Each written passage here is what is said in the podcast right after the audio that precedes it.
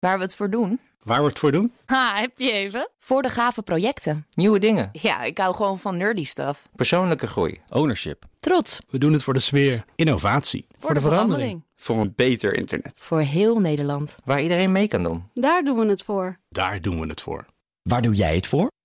Kom werken voor KPN en groei op jouw manier. Check de actuele vacatures op het gebied van data, security, development en networking op jobs.kpn.com/tech. BNR Digitaal wordt mede mogelijk gemaakt door SecureLink. SecureLink. Safely enabling business. BNR Nieuwsradio. BNR Digitaal. Herbert Blankenstein. Welkom bij BNR Digitaal. Het kan zomaar zijn dat je met één klik ruim 800 verschillende privacyvoorwaarden accepteert. En het spreekt tot de verbeelding als je al die voorwaarden in een boek drukt. Daar wordt het letterlijk en figuurlijk tastbaar van. Heeft Julia Jansen gedaan met de voorwaarden van de Daily Mail, Engelse krant. En uh, zij is design researcher en ontwerper van The Attention Fair. Het boek heet One Klik. Heel toepasselijk. Ook bij ons Robert Herenkop, zelfstandig IoT-professional bij IoTC 360. Julia, hoe ben jij op het idee gekomen om uh, die privacy policies van de Daily Mail, want daar gaat het om, in een boek te drukken? Dit dit boek wat hier ligt, ja, inderdaad. Uh, nou, ze 10 ongeveer, centimeter dik, volgens mij. Ja, zoiets. Uh, acht en een half ongeveer. Zo. Um, sinds ongeveer drie à vier jaar doe ik onderzoek naar uh, eigendomsrechten van persoonlijke data. Omdat het me eigenlijk nou ja, het, toen duidelijk werd dat jij die als persoon nauwelijks hebt over de gegevens die je produceert. Dus ik ben voornamelijk heel erg gaan graven in dit soort van structuren. En bij de Daily Mail kwam ik op inderdaad het netwerk van 835 privacy policies die je met één klik accepteert. Dat heet een Trusted third-party hosting network. Ja, als je naar die site gaat en je probeert daar artikelen te lezen, dan krijg je dat voorgeschoteld. Hè. Je kunt, dat wil zeggen, dat hoeft niet. Je kunt klikken op Got It. Ja. En dan ben je akkoord zonder dat je hebt gelezen. En als je iets meer wil weten, dan kun je op een of andere link klikken en dan krijg je een venstertje. En dan komt die eindeloze lijst van bedrijven voorbij die allemaal hun eigen privacy. Je, je kunt ze allemaal lezen, ja. maar niemand doet dat natuurlijk. Nee, natuurlijk. En um, gemiddeld accepteren we zo'n 1700 privacy policies per jaar. En inderdaad, deze zijn nou, vaak redelijk complexe juridische teksten die eigenlijk niemand leest. Het uh, is ook, geloof ik, een paar jaar geleden onderzocht dat je gemiddeld 15 weken per jaar fulltime uh, tijd moet spenderen om überhaupt al die privacy policies te gaan lezen. En dat zijn degenen die je dan direct accepteert. Um, dus moet je nagaan als dat allemaal uh, verbonden zitten via zo'n netwerkstructuur. Is de Daily Mail een extreem voorbeeld? Um, het is een groot netwerk, maar het is zeker niet uitzonderlijk dat, uh, dat uh, bedrijven ja. zich in deze mate uh, verbinden. Waarom heb je hun gekozen? Um, omdat ik het bij hun nou, toevallig tegenkwam. Ik, ik was geïnteresseerd um, in. bij hun privacy policy vermelden ze dat zij bijvoorbeeld verbonden zijn aan DMG Media Group. Dat is dus zeg maar hun, hun koepel, koepelbedrijf. En daar zijn heel veel verschillende partijen, Britse nieuwskranten eigenlijk aan verbonden. En toen dacht ik, oh, dat is eigenlijk wel interessant. Dat dus al die Britse nieuws platformen eigenlijk al verenigd zijn. Dus ben ik daar een beetje gaan graven. En toen kwam ik eigenlijk op deze hele netwerkstructuur. Dus het was eigenlijk uh, ja. dat ik dacht, oh, dat is dus al een groter netwerk. En eigenlijk was dat het hele, hele kleine netwerk van het veel grotere netwerk. En dat noemen ze dan een Trusted Third Party Hosting Network. Yes. Kun je dat uh, beschrijven, wat dat uh, wat dat dan zakelijk betekent? Nou, het is een verbond van bedrijven die elkaar dus vertrouwen om eigenlijk zoveel mogelijk informatie um, van de uh, bezoekers van een platform of een applicatie door te spelen. Om dan bijvoorbeeld, er zijn verschillende gradaties binnen het netwerk. Uh, dus heb je bijvoorbeeld functionele partners. Um, bijvoorbeeld in dit geval is dat bijvoorbeeld Amazon, maar ook Adobe, om bijvoorbeeld die informatie inzichtelijk te maken. Dus wat kunnen we leren uit bijvoorbeeld of iemand van sport of van politiek nieuws houdt, of bijvoorbeeld het personaliseren van die pagina's, om dus mensen langer op, op een platform te laten blijven. Ja. Uh, maar je hebt bijvoorbeeld ook advertentiepartners. En dat zijn meer bedrijven die bijvoorbeeld die, um, die informatie eigenlijk verzamelen om bijvoorbeeld uh, gepersonaliseerde advertenties te laten zien. Dus heb je verschillende gradaties in het netwerk. Dat zijn ook uh, verschillende hoofdstukken in het boek. Dus die kun je ook. je, je kunt zeggen, oh, ik ben vooral geïnteresseerd in hoofdstuk 10. bij wijze van Hoofdstuk functionele partners. Hoofdstuk functionele partners. Ja. Maar het is echt, het is een foliant. Het is, het is niet alleen heel dik, het is ook nog eens een keertje groot. Het is, ja, ja, er zijn bijbels die kleiner zijn, zal ik maar zeggen. Ja, dat denk ik ook. Bam, ja. zei hij weer. Um, ja, um, jij hebt een expositie. Je bent eigenlijk kunstenaar op digitaal gebied. Hè? Mag ik dat zo uh, ja, omschrijven? Dat mag je omschrijven? Jouw expositie heet The Attention Fair. Waar gaat die in het algemeen over? Uh, in het algemeen is het eigenlijk een, een, onderzoek geweest van concreet ongeveer anderhalf jaar uh, onderzoek. Dus naar eigendomsrechten van data, mogelijkheden om eigenlijk eigenaar te worden over je data. In combinatie met um, onderzoek eigenlijk naar de monetaire waarde van die informatie die we produceren. Uh, voornamelijk omdat dus uh, momenteel het internet heel erg gaat om die advertentiemodellen. Dus ik was wel geïnteresseerd. Wat zijn dan bijvoorbeeld gedragseigenschappen die, uh, die veel waard zijn in die data-economie? Mm -hmm. Noem eens wat. zwangerschap, verhuizing, um, Ah, ja. datingapplicaties doen het heel goed. Nou, eigenlijk van dat soort factoren. Ja, ja, ja, ja. ja. Ga verder. En uh, ja, dus daar heb ik uh, uh, eigenlijk onderzoek gedaan van hoe kun je die waarde berekenen. Dat heb ik gedaan aan de hand van een, een systeem dat heet Datastocks, geïnspireerd op de aandelenmarkt. Um, en die installatie, die Attention Fair, is eigenlijk twaalf games, allemaal geïnspireerd op dat systeem over Datastocks. Om mensen eigenlijk te leren dat data eigenlijk veel omvangrijker is dan wat jij direct op social media post. Ik heb nog steeds best wel vaak dat mensen zeggen: ja, nee, dit, dit gaat niet over mij, want ik zit niet op Facebook, dus ik maak geen persoonlijke data. Nou, bijvoorbeeld een kaartgame kan je bijvoorbeeld spelen met allerlei gedragsgegevens. Um, waarin je eigenlijk kan zien dat data ook gaat over gezondheid en financiën en. Uh, nou, applicaties die je gebruikt, browsergedrag, wat je in je agenda zet, die bijvoorbeeld uh, verbonden ja, is. Ja, ja, dat Allerlei dat soort patronen. Dus uh, op die manier eigenlijk spelenderwijs um, en interactief inzichtelijk krijgen uh, hoe die data-economie in elkaar zit. Ja, ja, jij noemt een kaartspel. Ik herinner me ook van, van jouw site, want die is er ook nog, dat er een fruitautomatenspel is waarbij je allerlei eigenschappen van websites voorbij kunt laten komen tot ze op, op het juiste rijtje staan en dan heb je een product. Zoiets ja, klopt. zit daarbij. Ja, inderdaad. Dat is eigenlijk een soort van freemium service. Net zo op internet is niks gratis. Um, dus uh, in dit spel uh, ga je ook betalen met je eigen gegevens om inderdaad nieuwe gegevens te kunnen kopen. Hoe reageren mensen op jouw tentoonstelling en vooral in het bijzonder op dit boek? Uh, nou, redelijk wisselend. Um, ik hoor best wel veel mensen uh, ook wel eens heel verbaasd van... hè, maar dit is toch bijna science fiction?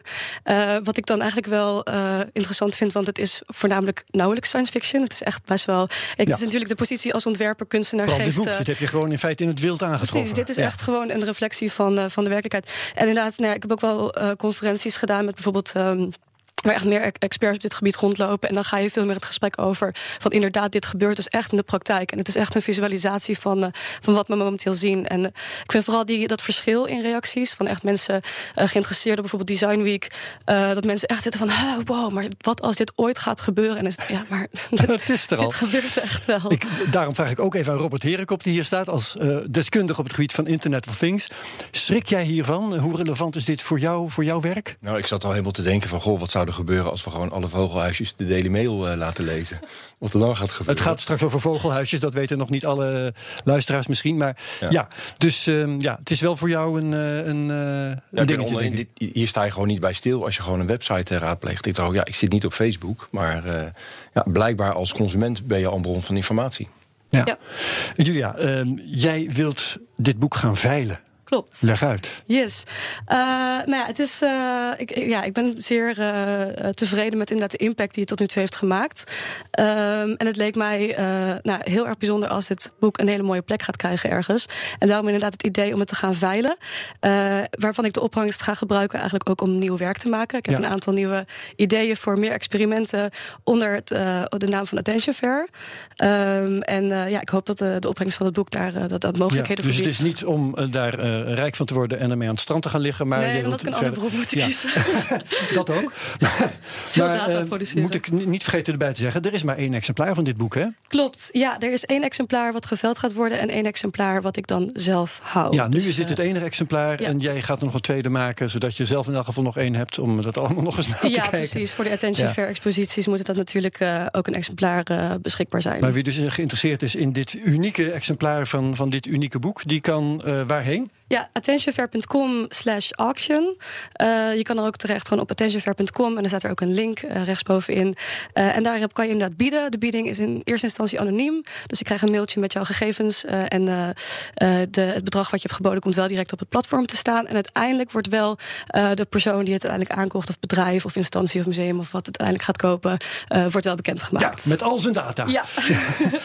hey, maar um, bij veiling is het vaak zo dat er een bepaalde inzet is. Of een bepaald streefbedrag. Heb jij iets in je hoofd wat het zou kunnen opbrengen? Uh, dat vind ik heel erg lastig. Ook omdat ik uh, nou, als beginnend ontwerper uh, geld het lastigste vind om over te praten, heel eerlijk gezegd. Je hebt andere zorgen, ja. in ieder geval dingen die je belangrijker vindt. Dat snap ja, ik wel. daar moet ik nou, af en toe nog wel in leren. maar nou ja, het, is alle moeite, tijd, drukkosten, bindkosten. Het, het mag voor mij wel voor een mooi bedrag weg. Maar ik vind voornamelijk ook de, de intentie, want dat wordt ook gevraagd door het platform om eens een intentie aan te voeren, vind ik ook erg belangrijk. Dus niet alleen het bedrag dat het oplevert, maar voornamelijk waar wordt het uiteindelijk, uh, wat voor een plek krijgt Je wilt het? ook graag dat het op een mooie plek terechtkomt. Dat ja, is ook belangrijk. zeker. Ja, ja, Oké. Okay. Um, wat ik nog wel graag van je weten, want we hebben nog heel eventjes... hoe krijgen wij greep op onze data? Uh, nou, er zijn momenteel natuurlijk verschillende initiatieven bezig. Um, en ik denk voornamelijk dat het uh, belangrijk is dat we een beetje voorbij gaan aan um, dingen zoals bijvoorbeeld wetgevingen. Um, en dat soort kleine start-upjes die allemaal heel relevant werk doen. Ook GDPR bijvoorbeeld, uh, General Regulation Data Protection. Zeer boeiende wetgeving. Maar ik denk ook dat we net een laag daaronder eigenlijk te werk moeten gaan. Ik heb bijvoorbeeld heel vaak over de infrastructuur van het internet. momenteel is die zo aangelegd dat alle data die jij produceert, dus op, in dit geval van Daily Mail wordt. Uh, waarin ik eigenlijk meer onderzoek doe naar mogelijkheden van hoe wordt nou die infrastructuur zo dat de data die jij produceert van jou wordt. Ja. En dat jij die zelf beheert en dat je daar zelf controle en eigenaar over wordt. En ik denk um, een campagne die ook bij het project hoort is I am the product of my own information.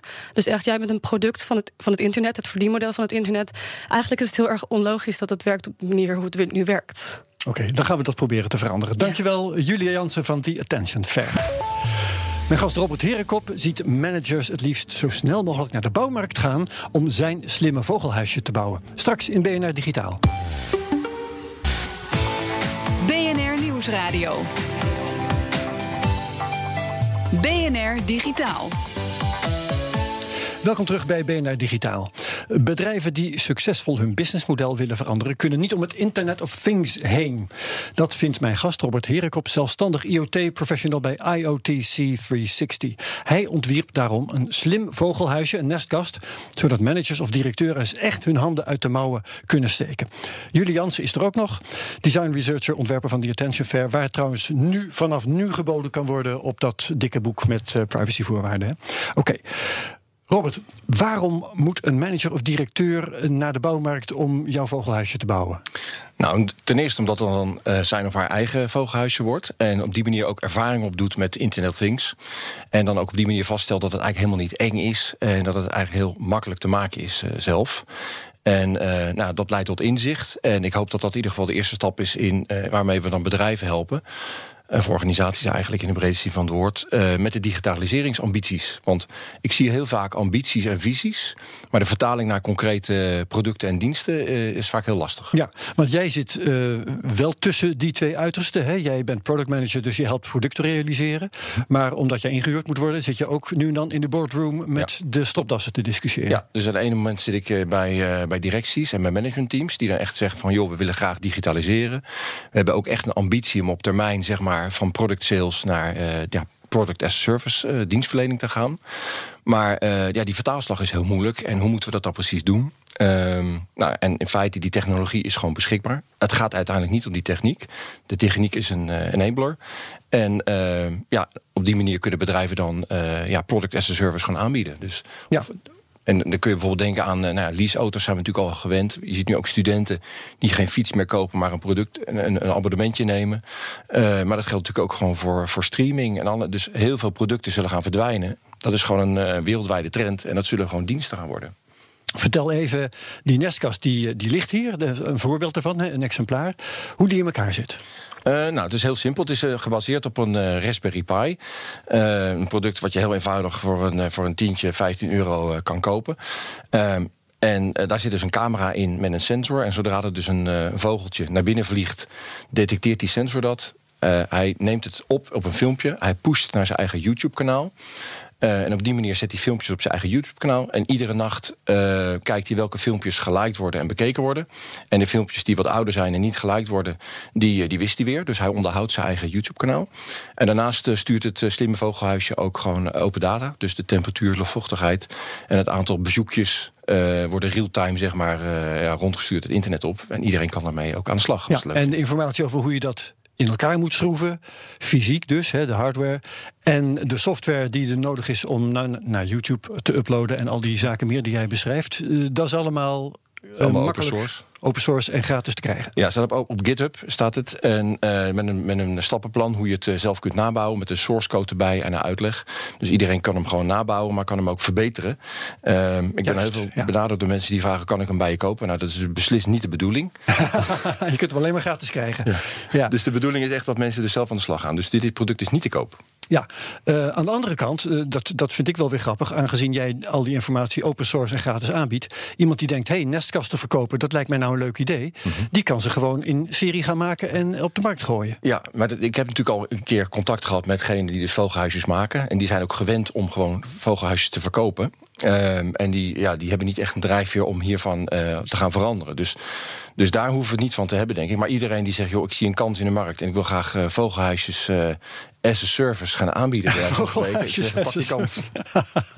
Ja, nou ja, ik, ik zeg het ook omdat, eh, dat kunnen we voor de transparantie wel even vertellen. Ik ben testgebruiker, dus ik heb zo'n Ja. ding van jou aan mijn gevel hangen. Met ook eh, een nest met eieren erin op dit moment. Mhm. Dus het is allemaal heel spannend. Maar ik krijg links en rechts vragen van waar, waar kan ik dat kopen? Dat lijkt me leuk. Ja, nou, En Julia, zeggen. die zit hier te knippen. Wil jij ook zo'n ding, Julia? Ja, lijkt me fantastisch. Ja, precies. Ja, zeker. En denk jij dat jij hem zelf in elkaar kan schroeven eigenlijk? Met jou? Eh, nou, ik denk dat dat wel moet lukken. Ja, lijkt me Ja. leuk. Leuk voor eh project voor de zomer. Oké, nou goed. Eén eh, potentiële klant in elk geval voor. Niet voor Robert, want die maakt ze niet. Maar. Ehm, Oké, welk. ehm, ehm, nee, laat ik zeggen, hoe helpt zo'n slim vogelhuisje bedrijf om hun businessmodel aan te passen? Wat is precies de verandering die je daarmee denkt te bewerkstelligen? Ja, nou, want daar, daar gaat het uiteindelijk, uiteindelijk om. Het vogelhuis is natuurlijk gewoon een middel. Ehm, als je natuurlijk kijkt naar eh, dienstverlening, dus as a service, product as a service aanbieden, dus echt een verschuiving op je businessmodel. Dus je moet bijvoorbeeld producten die je wegzet bij klanten zelf voorfinancieren. Je moet eh, ja, zorgen dat, dat je die devices die in het veld staan ook beheert. Hè, of het nou om liften gaat, of pompen, of gemalen... of andere eh, apparaten die je zeg maar, bij klanten hebt staan. Dus dat is echt wezenlijk een verandering in je businessmodel. Ehm, dus als je dus eh, een product as a service gaat aanbieden... En eh, nou ja, met zo'n vogelhuisje kom je er eigenlijk achter wat er allemaal bij komt kijken. En dat het bijvoorbeeld heel belangrijk is dat je dat op een zorgvuldige manier doet. Want uiteindelijk staat hij dan wel op jouw bedrijfsbalans. Eh, dus impact op je bedrijfsbalans. Nou, je moet hem zelf voorfinancieren. Je moet zorgen dat hij eh, gewoon operational eh, blijft. Dus ja, er komt toch nog wel heel, heel wat bij kijken, moet je, moet dus, dus het is als het ware een model voor elk product. Zo ja, heb het je is, het het, is, het een beetje een bewustwordingshaakje, zou ik eigenlijk willen zeggen. En de, de vraag komt gelijk ook naar voren van... Goh, hoe zit het dan met cybersecurity? Dat is ook altijd Dat gelijk wou ik net de gaan vraag. vragen. Oh, oké. Dus leg dat maar eens. Eh, eerst even voor dit ding op zichzelf. Hè. Ik heb een. eh, ik, of ik stel, ik maak die nestkast. En eh, ik stop die software erin. En ik hang hem aan mijn wifi. En daarmee wordt hij dus van buitenaf bereikbaar. Wie vertelt mij dat niet een of andere onverlaat van buiten. eh, in die Raspberry Pi gaat zitten. en daar vandaan gaat zitten spammen, bijvoorbeeld. Nou, we hebben in Nederland allemaal, eh, als je naar je eigen thuissituatie kijkt, een eh, internetrouter. Dus alle apparaten die zeg maar achter die internetrouter hangen, dus onder andere dit eh, vogelhuisje, die zijn dus niet rechtstreeks benaderbaar via internet. Dus technisch verhaal, dat zou, dat zou je wel kunnen doen. Maar in principe is dit zeg maar een apparaat wat alleen maar uitgaand verkeer genereert. Oké, dus ja, hij is ja. niet benaderbaar. Dat kun je zo maken. Ja. Dat kan je wel veranderen als je gaat willen, maar dat is in ieder geval default eh, niet het geval. Ehm, en eh, dus hij, hij, hij stuurt zelf eh, ja, filmpjes naar YouTube eh, toe. En dat is eigenlijk het enige wat hij dus doet. En nou, ik twijfel natuurlijk ook een beetje. Ik ben geen cybersecurity expert. Dus ik heb gevraagd aan de opleiding Forensic ICT van de Leids Hogeschool. Van joh, kunnen ze een keer een paar studenten daarnaar kijken? En eh, nou, dat was natuurlijk gelijk helemaal verkeerd. Want ik had mijn wifi-wachtwoord in mijn vogelhuizen gezet. Als iemand het vogelhuisje zou pikken, zou iedereen mijn wifi op kunnen. ja, dus ik heb een hele leercurve doorgemaakt. Maar ik, Jij ook. Ja, goed zo. Ja. ik durf te stellen dat dit het veiligste vogelhuisje van Nederland is. En misschien wel het veiligste product van je eigen huis. Ja, dus er is in feite, eh, je hebt daar penetratietests op laten uitvoeren. zo heet dat ja, eh, zeker, in de security-wereld. Goed zo. Ehm, mooi. Ehm, wat voor data komen hier precies uit en wat voor data gaan erin? Eh, nou, wat hij dus doet, eh, hij stuurt iedere vijf minuten dus eh, open data. Iedereen kan, kan die data dus raadplegen via een testserver. Dus alle AI-enthousiastelingen kunnen in ieder geval kijken van... Goh, hoeveel vogels vliegen nou eigenlijk naar binnen en naar buiten? Het is gewoon een detector in feite. Wat is de temperatuur en wat is de luchtvochtigheid? Dus ja, we, zien eigenlijk gelijk dat zo'n vogelhuisje... gelijk een, ja, heel veel vogelhuisjes vormen gelijk een soort sensornetwerk. En uh, nou, daar haal je heel interessante dingen uit. Bijvoorbeeld, we hadden een paar weken geleden een nachtvorst. En je zag al heel duidelijk het verschil. Nestkasten waar dan uh, ja, nestmateriaal in zit, die koelen minder snel af dan nestkasten uh, waar dus geen. Dus dan herken je de bewoonde nestkasten? Ja, je ziet echt aan het gedrag van die, van die open data. Zie je van hé, hey, wat, wat, we zagen bijvoorbeeld ineens geen data meer, geen, geen vogelbeweging meer. Dan bleek dat er een vogel de hele dag op zijn nest zat. Dus je komt eigenlijk achter dingen die je dan van tevoren niet bedenkt. En dat geldt niet alleen niet voor deze vogelhuizen, maar dat geldt ook voor heel veel producten. Als je dus producten verkoopt en je weet niet wat die producten bij jouw klant doen, en je maakt ze connected, dat kan wel eens hele interessante informatie opleveren. Ja, ja, ja. Um, mensen kunnen dit gaan maken. Ze kunnen ook het veranderen. Dat is natuurlijk ook heel aardig hè, om, om varianten te maken. Wat, waar denk jij dan bijvoorbeeld aan? Uh, nou ja, op het moment dat de vogels gaan vliegen, zou ik zeggen kattenluik dicht. Dus uh, dat lijkt me een leuke use case. De nestkast koppelen aan het kattenluik. Ja, ja je, de, de, beperking, uh, de beperking zit tussen je oren als het om dingen maken gaat. Ja, ja, ja. En je kunt natuurlijk ook een, een, een kast maken voor andere dieren. Pak ja, wol, wolven, wolvencamera. Of, dat is misschien wat overdreven. Ja, alles kan, hè? Ja, ja, ja, oké. Maar dat is, daar is het allemaal voor te gebruiken. -hmm. um, ja, die, die digitaliseringsmissie die blijft volgens jou dan dus vaak in, in de managementteams hangen. Dat, mm -hmm. dat komt niet verder. Um, Waar, waar, zie jij dat aan? Nou ja, ik zie wat ik al aangaf. Dus, dus je ziet wel heel veel visie en ambitie. Je ziet vanuit het buitenland natuurlijk heel veel platforms opkomen. als het gaat om uh, dienstverlening, product as a service. Hè. Neem bijvoorbeeld over dat je geen auto meer hoeft te kopen, maar gewoon ja, transport uh, gebruikt. Uh, dus ik denk dat we echt wel in Nederland ook echt aan de gang moeten gaan. En uh, niet moeten gaan zitten wachten uh, tot we overspoeld worden door allerlei andere initiatieven. Ik denk dat we echt partijen die op dit moment nu dus uh, apparaten maken. En ik ben bij heel veel bedrijven in Nederland betrokken die dus producten maken die bijvoorbeeld over een jaar of twee op de markt komen. Ja. Dan zie je dat het heel moeilijk is om, om die visie in die, te concretiseren. En ja, dat zie ik dus gebeuren. Ja. Um, ga jij hier nog mee verder? nou, wat voor dit? Dit, dit, dit project, daar zit natuurlijk, dit was natuurlijk meer een soort uh, ja, project om mensen te prikkelen. Dus ik, ik laat hem bewust nu los. En uh, ja, ik ben benieuwd wat ermee gaat gebeuren. De Misschien, informatie op GitHub gezet. Ja, en dan ja. is het voor jou ook afgelopen. Ja, ja precies. Ja, wordt ook, ik heb ook heel veel andere dingen. Dit was ook een beetje een side project. En dan kan ik me ook wel op andere dingen gaan richten. Ja, maar denk je dat het dan verder vanzelf gaat? Dat het wordt opgepakt door mensen die ze maken... en dat die cultuurverandering in de boardroom die jij uh, nastreeft... dat die dan, want eigenlijk zou je als een soort uh, propagandist... een evangelist de boer op moeten. Ja, ja, heel graag. Dus ja, iedereen die luistert en zegt... goh, ik wil graag mijn digitalisering ambitie wil ik gaan concretiseren. Kijk vooral naar dat vogelhuisje. En als je er niet uitkomt, dan mag je natuurlijk altijd bellen. Ja, en uh, de KVK heeft nog, de Kamer van Koophandel heeft hier nog op gereageerd. Zij, uh, mm-hmm. Moet jij geen nominatie hebben voor uh, de innovatieprijs die ja. zij uitreiken? Is het ook gebeurd? Nou ja, ik moet zeggen, ik ben niet zo. ik, ik mezelf nomineren. Um, dit is natuurlijk een product dat ook niet te koop is. Dus ik weet niet of het ook binnen die doelgroep. Het zou fantastisch zijn als het natuurlijk bedrijven in Nederland. ja, die zo'n transitieslag maken uh, van product naar dienstverlening, dat die dat zouden winnen. En als ik daarbij kan helpen, heel graag met zo'n vogel. Prima, dankjewel Robert Heerkop, zelfstandig IoT-professional bij IoT, uh, IoTC 360. Sorry voor de Engelse verhaspeling. Ook dank nog aan Julia Jansen, design researcher, ontwerper van die Attention Fair. Tot zover BNR Digitaal. Laat vooral weten wat je van ons vindt. E-mailen digitaal.bnr.nl, op Twitter @bnrtech. Terugluisteren BNR Digitaal kan via bnr.nl, via onze app, iTunes en Spotify. En daar zijn ook mijn andere podcasts, bijvoorbeeld De Technoloog. Heel graag tot volgende week bij BNR Digitaal. Dag.